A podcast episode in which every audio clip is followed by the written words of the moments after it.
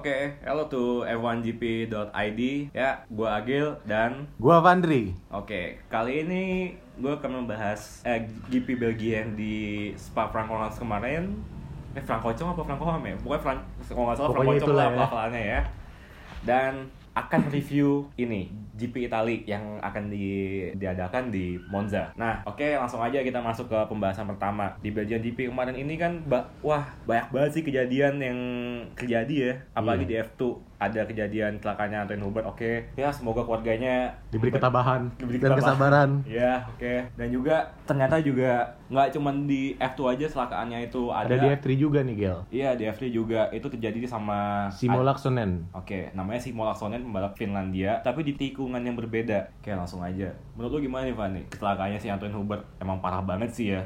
Kalau menurut gue sih kecelakaannya ya agak fa- bukan agak sih fatal banget sih sampai kayak menyebabkan Juan Manuel Korea tuh juga terlibat di insiden itu Gel sampai-sampai tuh kayak pas gue liat di replaynya Hmm. pas tabrakan itu gue ngeliat wah kakinya Korea sampai kelihatan nih berarti tabrakannya sampai parah banget dan Iya. juga gue ngeliat si Antoine Hubertnya juga udah udah nggak berdaya banget Ya, walaupun kita belum tahu ya apa meninggal apa masih koma ya. Cuman Iya, pada dari foto itu. yang beredar pun, gue juga nggak sengaja sih lihat foto yang beredarnya itu ya. Dan tabrakan yang video-video tabrakan yang beredar di YouTube juga, Hmm, itu posisi lehernya udah kayak geletak aja gitu. gitu udah Iya. meninggal di tempat Sebenarnya sakratul maut kali ya kalau bahasanya maut. awamnya gitu. Iya udah Ya. emang udah ma- maut sih maut udah nggak bisa ngelawan Ya jujur sih emang gue akuin kalau sasisnya F2 tuh sebenarnya juga kualitasnya sama lah ya sekuat F1. harusnya sih Iya. Cuman kan ini namanya kecelakaannya Antoine Hubert kan dia kecelakaan ganda ya kalau kita lihat lagi ya. hmm. Di mana ya terakhir kali kecelakaan gan, eh, seperti si yang meninggal ya kita bilang Bianchi lah. Jules Bianchi eh enggak dong kalau Bianchi bukannya masuk ke kolong traktor ya Oh iya kalau traktor ya benar iya sih. kalau Bianchi itu tunggal Tunggal, tapi tetap aja tunggal lah masuknya. hmm. Ayrton Senna juga Ayrton tunggal. Senna tunggal dia nabrak tembok kalau nggak Ah. salah Tapi kalau di balapan open wheel sendiri sih yang celakanya nyari sama tuh kayak celakanya ada namanya Billy Monger. Itu yang kalau lo for your info aja lah, Hmm. Billy Monger ini celakanya memperhatikan banget sih celakanya Billy Monger gimana, tapi impact kerasnya tuh juga nyari sama kayak Antoine Hubert yang di mana dia dihajar dari samping dan mobilnya eh nggak bukan dari samping, pokoknya mobilnya itu juga nyaris hilang separuhnya. iya Mm, Dan emang dari analisa-analisa yang beredar itu juga banyak banget ngomong analisa liar sih, belum analisa resmi ya.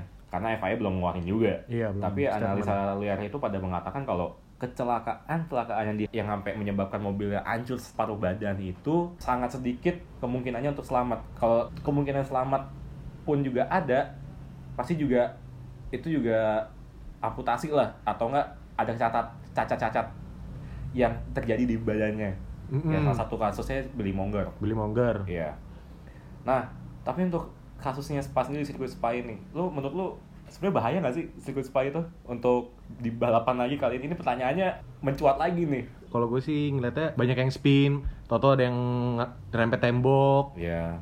Apalagi kan kemarin pas free practice F1 aja beberapa driver aja banyak yang spin gitu kalau gue bilang sih bahaya juga Hamilton ya. Hamilton Ah. Hamilton aja sampai nabrak tembok kalau gue bilang sih nih wah bahaya sih Oh, di sirkuit Iya, gue lupa juga ya. Pas balapan tuh kan kecelakaan juga si ini ya. Giovinazzi juga kecelakaan juga tuh. Giovinazzi wah itu menurut gue sih Antonio Giovinazzi itu apa sih Apes. lu udah lap terakhir udah gitu nabrak crash Oke, sebelum melebar ke hasilnya dulu, ini gue bahas kecelakaan dulu ya. Tapi di satu sisi juga, Giovinazzi ini kecelakaannya juga lumayan parah impactnya nih kalau gue lihat. Karena dia juga posisinya sampai nyangkut mendelep di tire barrier dinding ban itu.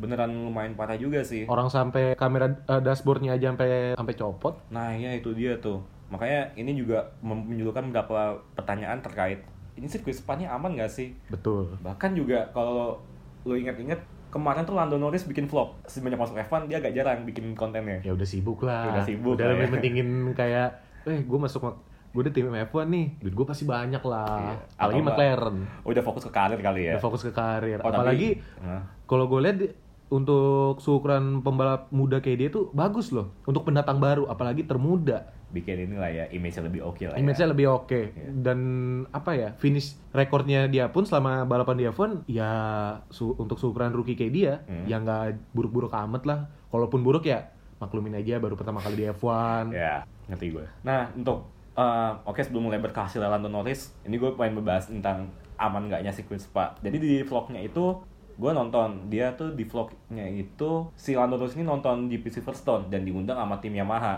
Oke. untuk nemui, menemui idolanya Valentino dia. Rossi, Valentino iya. Rossi VN46 emang Lando Norris tuh ngakuin dia emang fansnya Valentino Rossi dari bocah zaman bocah. Nah di vlognya itu ditanya Norris ini nanya ke Rossi kenapa sih kok MotoGP nggak mau balapan di Spa? Iya. iya.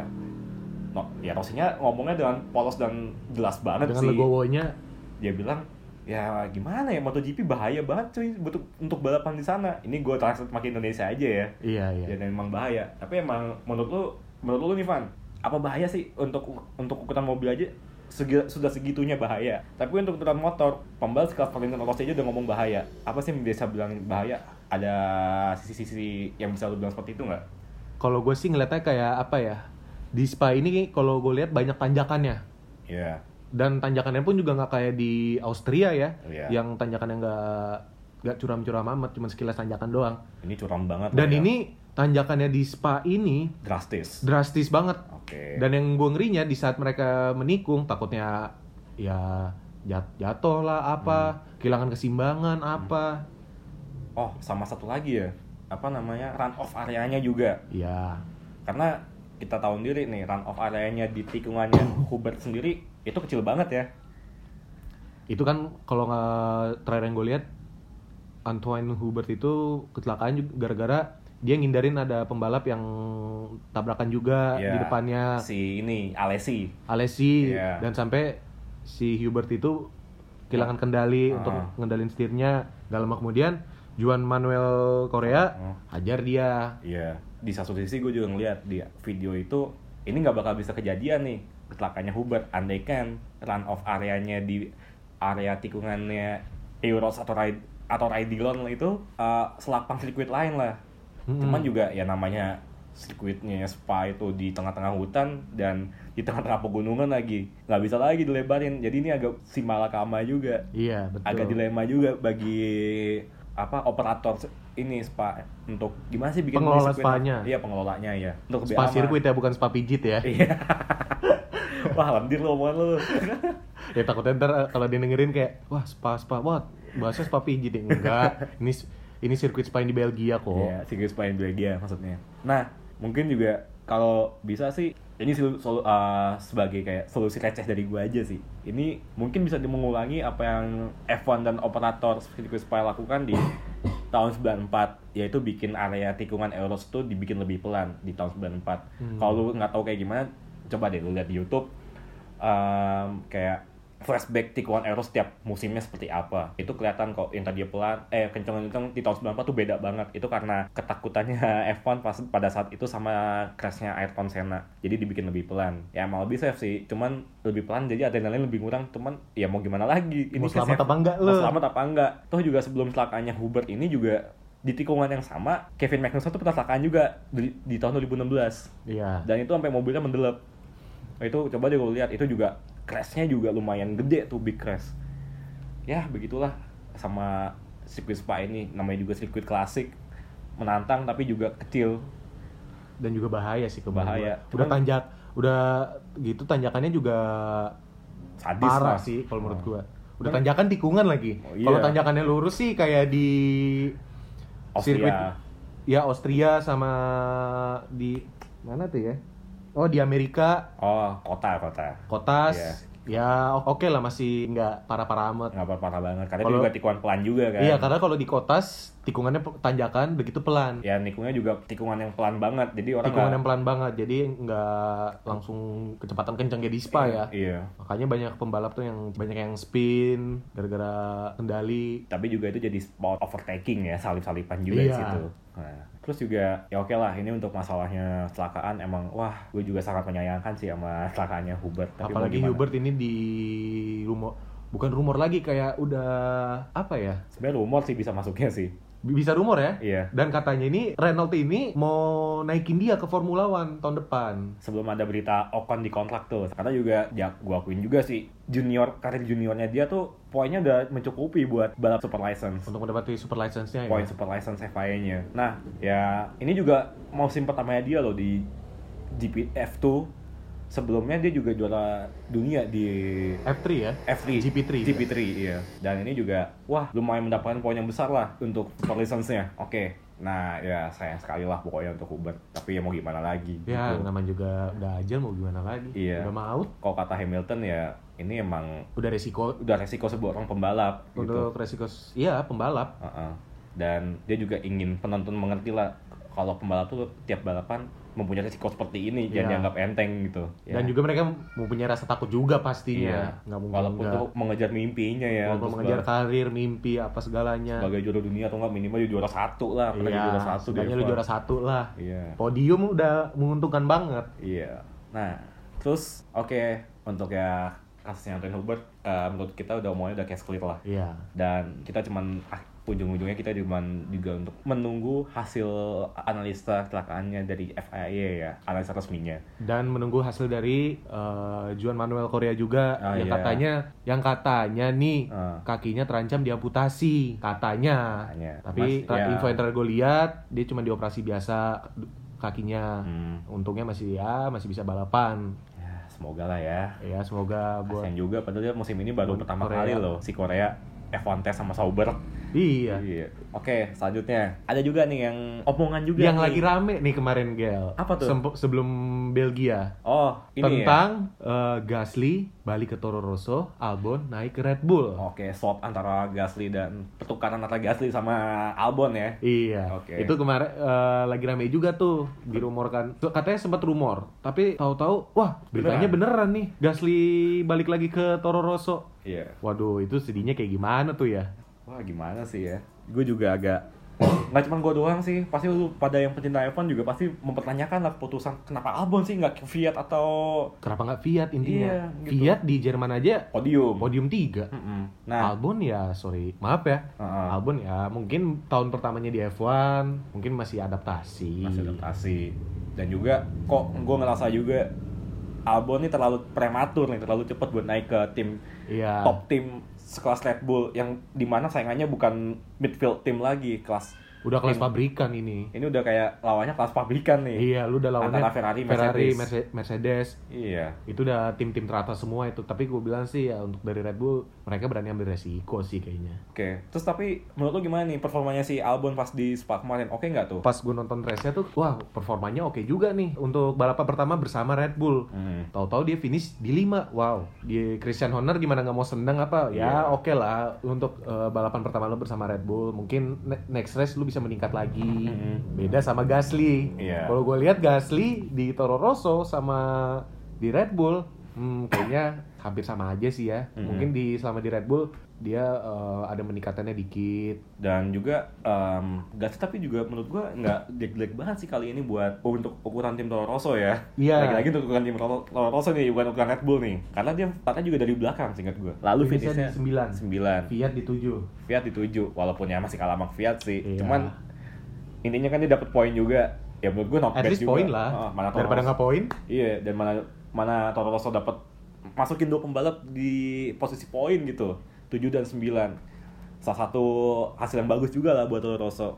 Gue sempat nonton ulang sih untuk ngeliat lagi apa yang terjadi di balapan kemarin. Albon ini dia dia kan startnya pakai ban medium, di mana Hmm. yang lain pada pakai soft. Terus pas masuk pit, yang lain tuh pembalap pada pakai medium. Dia sendiri pakai soft. Itu di lap 20-an singkat gue, saya Albon tuh Hmm, masuk pit. hmm. Pertanyaan gue adalah dia wah ini orang gue punya anggapan ini orang tire manajemennya oke banget nih. Karena dari lap 20 ke 40 tuh agak lumayan panjang buat ukuran spa. Sekelas Vettel aja kewalahan untuk ngatur bannya. Tapi Albon dari ukuran segitu dari lap 20 kok dibawa sampai finish dengan ban soft. Gue mikir ini juga wah skillnya dia juga lumayan juga dari sini nih. Dia bisa nge-manage ban bis sampai akhir nggak sampai pecah bannya Mungkin kelebihannya di situ. Iya, kelebihan situ juga tuh. Itu juga patut lu harus notice juga nih para pendengar. Kalau Albon juga eh, cara nge-manage ban-nya juga ternyata di GP Belgia kemarin oke. Tapi kalau emang lu punya analisa lain kenapa nggak cuma dari ban? Ya oke, gue juga mau dengerin lah. Dan ya pokoknya kalau menurut gue Albon not bad lah buat Untuk balapan pertama sama Red Bull oke banget Ah, sih. think- Apalagi dari 17 ke 5. iya 17 ke 5 itu juga wow, oke lah. Dan belum tentu semua pembalap bisa dari posisi barisan buncit Hah? Toto lu finish di top 5. Iya. Itu susah sih menurut gue, Gil. Ya susah juga sih. Terus gimana nih sama Oke, ada satu lagi nih yang kita bikin agak gimana ya? Pokoknya yang lagi Euforia lah, intinya. Euforia lah yang Euforia. tim yang di mana kita tunggu-tunggu ini akhirnya juara juga Di musim ini di musim ini. dan juga pembalapnya Pembalap muda, Pembalap pembalap muda. termuda di Ferrari. ya dan juga pertama kali menang di Formula F1. One. Juara satu di Formula One. Iya. Oke, Charles Leclerc and, dan bersama Ferrari lah di Iya. GPBG 2019 akhirnya dia bisa juara Akhirnya dia bisa mengangkat trofi. ya setelah gagal dua kali Dua gagal dua kali tuh. pertama di Bahrain Dua Austria. dan di Austria Bahrain karena masalah mesin Austria karena masalah ban salah taktik sih sebenarnya Salah taktik. Gue bingung ya Ferrari kenapa tuh ya bisa sampai salah taktik. Sebenarnya sih apa ya dari segi lain sih udah oke. Ya mungkin salah taktik sih udah paling bahaya sih. iya cuman emang ini juga masalah akutnya Ferrari sih dari zaman dulu ya Apalagi kan Vettel eh, sempat ngomong harusnya tuh di Bahrain kita bisa menang, di Kanada bisa menang, Menang. Austria kita bisa menang. Iya, bahkan Kan. juga sebenarnya di tiga sirkuit, sebenarnya empat sirkuit sih, Ferrari itu harusnya bisa menang. Harusnya. Harusnya Bahrain, em, apalagi ya tadi Austria, Kanada, sama sebenarnya Jerman. Oh iya Jerman. Wah itu itu keren banget kalau menurut gue untuk Vettel. Iya, karena dari Bayangin dari 20 finish kedua. Iya, Gokil sih menurut gua, tapi GP Jerman kesian sih. Gue masih apa ya, agak sedih juga. Leclerc nabrak ya, kebuang. spin. Spin emang Iya. pada tikungan itu banyak pembalap yang spin bahkan Hamilton Hamilton, Bottas, spin. eh, siapa lagi Carlos Sainz spin semua. Tapi Sainz masih mending, dia udah dapet poin kan. Iya. posisi lima. Nah, itu juga kalau di throwback di Jerman bentar deh. Ferrari juga agak sial karena gini, di free practice hasilnya udah top 2 terus tuh. Top lah bilangannya. ya. Iya, udah terdepan mulu. Pokoknya antara Le- Leclerc sama Vettel tuh kalau ganti-ganti ya tuh 1-2, 1-2, 1-2. Iya. Tapi pas kualifikasi, eh, kendor. mesin- bukan kondor lagi, mesinnya masalah kan pas itu kalau lu ingat. Vettel mau baru mau masuk kualifikasi nggak bisa start gara-gara mesinnya masalah. Leclerc ketahan pas mau masuk kualifikasi ketiga masalah juga. Makanya ini apes banget nih kalau pas di Jerman. Untungnya di GP Spain, eh GP Belgia ini Ferrari menurut gua sukses banget sih ngekonversiin taktiknya buat menang walaupun nggak bisa 1-2 ya finishnya ada yang harus dikorbankan yaitu Vettel kalau Iya. kita tahu Betul, bahkan sampai Vettel pun mau nurut gitu loh, kayak mendengarkan dari timnya gitu loh, gantian. Iya, dari pedok, dari Binotto udah ngomong ya pas itu kalau oke eh, Vettel ini gue translate lagi deh pakai Indonesia ya. Oke Vettel kasih jalan ke Leclerc, jangan diadu gitu. Udah, Betul. diadu, kasih jalan. Yang menurut lo kenapa sih kok bisa Vettel gagal gitu untuk jadi tandemnya Leclerc? Maksudnya tandem dalam arti kok gagal sih bisa bikin Ferrari 1-2, finish 1-2. Kenapa tuh? Kalau menurut gue ya, it- itu salah taktik sih. Salah taktik pit stop. Hmm. Kenapa gue bisa bilang begitu? Karena Vettel ini masuk ke pit, masuk pit stop ini kecepatan. Lebih cepat dari yang lain lebih ya? cepat daripada yang lain. Bahkan Vettel pun masuk pit stop nggak sekali, dua kali. Iya, Dan dua itu kali. pun menjelang mendekat lap 40. Iya, nah, ya itu gue inget tuh. Ya emang ini sih, kalau lihat lagi nih, throwback ke GP Belgia lagi kemarin, Vettel itu masuk pitnya itu lebih cepat dari yang lain, gue akuin. Dia masuk di pit di lap, uh, hitungan lap 10-15 lah ya. Di mana ya Hamilton, Bottas, dan Leclerc masuk di lap 22 dan sekitar lap 22 sampai 26 gitu. Tiga pembalap itu. Ya jujur aja, karena masuk pitnya kecepatan dan ganti bannya kecepatan dan juga satu lagi lu inget juga Vettel itu setelah ganti ban dia ngepush mobilnya banget Ngepush banget. iya Untuk supaya ngelindungin Leclerc juga mungkin. iya sih mungkin ya gua ngerti lah masalahnya habis di push ketika battling sama Hamilton itu cuman butuh empat tikungan aja buat Hamilton untuk Ngambil overtake si Vettel. iya dan pas Bottas eh Bottas pas itu masuk pit sih tapi pokoknya pas Hamilton tuh udah Hamilton udah, eh, udah Vettel udah nggak ada nggak cukup grip lagi buat ngeladenin Ha- Hamilton Iya. dan sebelum battling pun juga Vettel udah ngomong ke pit kalau woi woi woi, eh, Ban gue udah nggak cukup nih untuk bertarung. iya ban gue udah gak cukup nih buat di lintasan gue terus masuk pit nih gripnya udah gak ada hilang but tapi si pokoknya tim pedok ini ngomong kalau oke tapi jangan sekarang dulu not this moment gitu karena mungkin uh, perhitungannya Ferrari adalah ya udahlah intinya gue kasih Leclerc menang tapi Vettel jadi mati dan Vettel juga terpaksa mengiyai juga dibanding Ferrari gagal juara kan apes juga tuh Iya benar. Hmm. ya ya udahlah intinya ya untungnya aja di GP Belgia lapnya sampai 44 nggak sampai 45 Wah kalau 45 kalau menurut gue sih ya 50-50 sih chance-nya sih. Iya. Kemungkinan Leclerc hilang juara tuh iya bisa pupus lagi harapan untuk juaranya. soalnya Hamilton kesetanan banget ya Wah gila. Kalau gue bilang Hamilton gila sih. padahal Mercedes-nya juga gila gua akuin. iya itu emang mobil ya rada-rada ini ya bisa menguasain segala jenis track sih Dan gue kalau gue lihat Mercedes ini jarang ada trouble. iya maksudnya Jarang banget. dan apalagi ya mungkin emang dia agak masalah sama track yang terlalu mengandalkan power banget Iya, apal- apalagi track basah. iya Eh sorry, kalau udah hujan lah intinya. Iya, tapi di Spa ini yang di mana tracknya yang ngandalin lumayan ngandalin power banget dan bisa dibilang tipikal sirkuit yang agak low downforce, low downforce. Mercy itu bisa tetap aja bisa ngeladenin Ferrari gitu. Di mana Ferrari ini tipikal sirkuit yang diandalin Ferrari untuk di musim ini sesuai sama mobilnya. Dan ini juga semakin menjawab permasalahan apa ya? permasalahan yang ada di mobil Ferrari yaitu mobilnya dia sendiri tuh agak gimana ya? Oke, dia di track lurus, maksudnya di track yang mengandalkan power oke banget. Tapi konsumsi bannya, tire degradation-nya, gripnya tuh cepet banget habis. Itu bener-bener ya balapan ini emang bener-bener udah nunjukin banget sih masalah itu tire degradation-nya itu. Akhirnya terbayar sudah. Ferrari juara. Juara, tapi untungnya ya udahlah juara dan nggak ada lagi soal strategi tuh. Amin lah.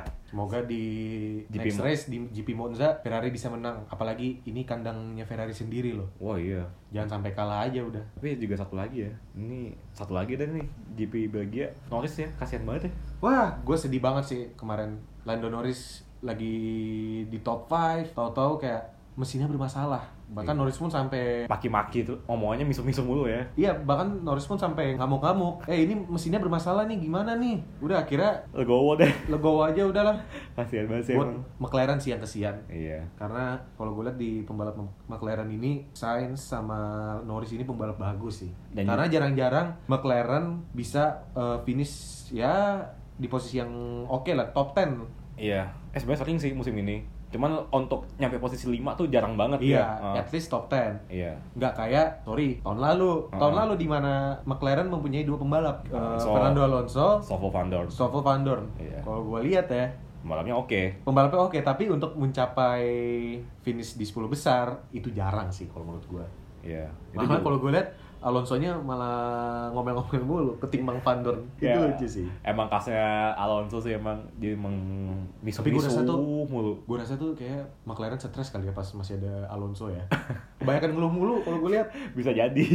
Intinya Norris ya apa sih? Karena ini dia sukses finish di posisi 5, ini berarti Pencapaian terbagusnya dia. Iya, pok pencapaian tertingginya dia nih di 2019 ini musim Dan musim pertamanya di F1. Iya, musim pertama di F1 karena kan dia paling tinggi itu posisi 6 di Bahrain seingat gue. Itu bagus loh. Itu udah bagus loh. Coba kalau ini posisi 5, dia sebenarnya di posisi 5 tuh udah nyaman banget. Dan ke emang jarak ke posisi 4 Vettel jauh, Jauh tapi jarak ke belakang antara Perez dan Albon tuh juga jauh. Jadi dia nyaman banget. Ya udah dia tinggal nyetir senak jidatnya aja udah. Yang penting nggak spin nggak apa.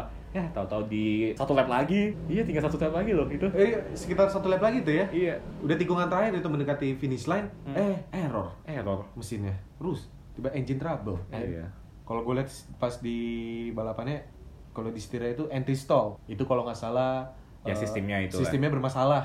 Aduh, itu gue ngeliatnya. Aduh, sayang banget ini Norris. Harusnya bisa finish top 5 ini. Iya, pokoknya emang masalahnya kan kalau nggak di sistem intinya di mesin sih. Tapi gua sendiri lebih ngeliat itu di mesinnya. Karena juga pas di radio dia ngomong, oke, oh, my engine's broken, broken, broken, broken. Ya udahlah, mau gimana lagi? Ini juga Ren Renault juga agak, Renault lagi agak terpuruk sih kalau gue lihat. iya, maksudnya engine-nya pun juga cutthroat banget musim ini. Makanya nggak heran Red Bull memutuskan Ke Honda. pindah ke Honda. Iya, Karena Horner pun sendiri tahun lalu bilang, gue udah bayar mesin mahal-mahal ke Renault, tapi dapatnya kok jelek gitu loh. Ibaratnya kita beli tiket bisnis kelas, malah intinya dapat ekonomi gitu loh kalau pesawat. Oh itu yang di ini ya, apa Netflixnya F1 Drive to Iya, Survive ya? itu Ya. di episode keempat kalau nggak salah. Ya pokoknya adalah yang pas lagi ke, ininya. Konfliknya Red- Renault sama Red Bull. Iya. Dan juga ya nggak cuman McLaren doang yang masalah ya. Pokoknya McLaren sebagai pemakai mesin Renault, dan tim Renault sendiri pun juga sering trouble di mesinnya. Kita juga ingat kalau Ricciardo jebol tuh mesinnya kan pas. GP Jerman. Kalau balik throwback lagi. Ya ini juga sebagai peringatan juga sih buat Renault kalau mereka harus bikin mesin yang durability-nya oke banget buat musim depan. Secara performa sih sebenarnya dia gue akuin emang terlemah di antara tiga mesin yang lain ya Iya. Mercy, Ferrari, dan Honda tapi yang nggak bisa gini terus mereka harus kayak improve lagi lah Ya harus improve sih. selain durability-nya dan powernya juga Sangat menyayangkan itu untuk Renault. iya saya nggak menyangka juga sih buat Norris juga gue juga wah Dan Sainz. Carlos Sainz. iya Makanya Zac Brown pun juga nggak salah ngam- ngambil pembalap sih. Begitu dengar Carlos Sainz posisinya terancam sama Ricardo, Zac Brown langsung buru-buru kontak Sainz. Terus oke, eh ya lah ya ini pembahasan tentang review Belgian GP-nya udahan dulu lah. Oke, sebelum ditutup, Kita uh, Belgian GP menurut lu satu dari 10 berapa? satu dari 10 karena gua mendukung Ferrari Ya, 8 sih. 8. Tapi nggak ada nyambung juga sih. Kenapa gue bilang 8? Karena di balapan ini gue seneng. Leclerc menang Oke. dan yang apesnya Vettel sih. Harusnya bisa posisi 2. Harusnya tuh Ferrari bisa 1-2. 1 2. Bukan Mercedes yang podium gitu loh. Ngambil sisa podiumnya lah ya. Iya. Dan kalau gue sih 8 juga kali ya. gue juga bingung sih. Tapi 8 lah. Untuk kemenangannya Ferrari juga ya lumayan oke. Terus juga battlingnya Hamilton untuk nge-push sampai ngejar Leclerc itu juga lumayan seru juga. Menurut gue itu juga Hamilton pun juga agak was-was juga sih. Ini gim- Hmm. nih gimana ya? Gue bisa nyusul Leclerc ya? Hmm. Kok susah juga nih orang disusul ya? tapi gue juga bilang 8 tuh karena ya nggak ada battling yang cukup oke juga sih di balapan ini. Ya maksudnya battling yang berlap-lap kayak di GP Silverstone kemarin lah antara Max Verstappen dan Leclerc itu nggak ada tuh battling seperti itu tuh. Makanya gue kasih skor 8 karena itu nggak ada battling yang cukup mempesonakan mata gue sendiri lah. Kalau gue bilang sih ya yang GP Spa kemarin sih oke sih battlingnya. Karena Leclerc kualifikasi pole position. Iya apalagi pas di balapan dia apa ya bener-bener nggak kendor banget gitu loh. Performanya bener-bener ditunjukin sama dia. Hmm, bener-bener dihabisin tuh balapan sama dia. Dan Iya. hasilnya terbayar sudah. Bayar lah. Susah Terus- sih ya emang godchild-nya Jules Bianchi itu Nah, oke. Terus ya, dah kita gitu aja kali ya sekarang ini. ya untuk podcast pertama kali ini untuk sementara ini dulu. Mm-mm. ya maklum kalau ada yang kurang mohon maaf Dan kalau emang lu agak nggak puas sama analisa gua, lu boleh deh DM ya DM kita, kita. tukar sharing-sharing aja gitu buat masukan lumayan Iya. juga kan main juga loh buat masukan kita mah. Yoi. Yoi. Oke udah sampai sini aja. Sampai sini aja kita. Nanti kita bakal Bahas lagi bahas lagi Setelah GP Italia. Monza. GP Itali. GP Italia. Oke. Oke, bye.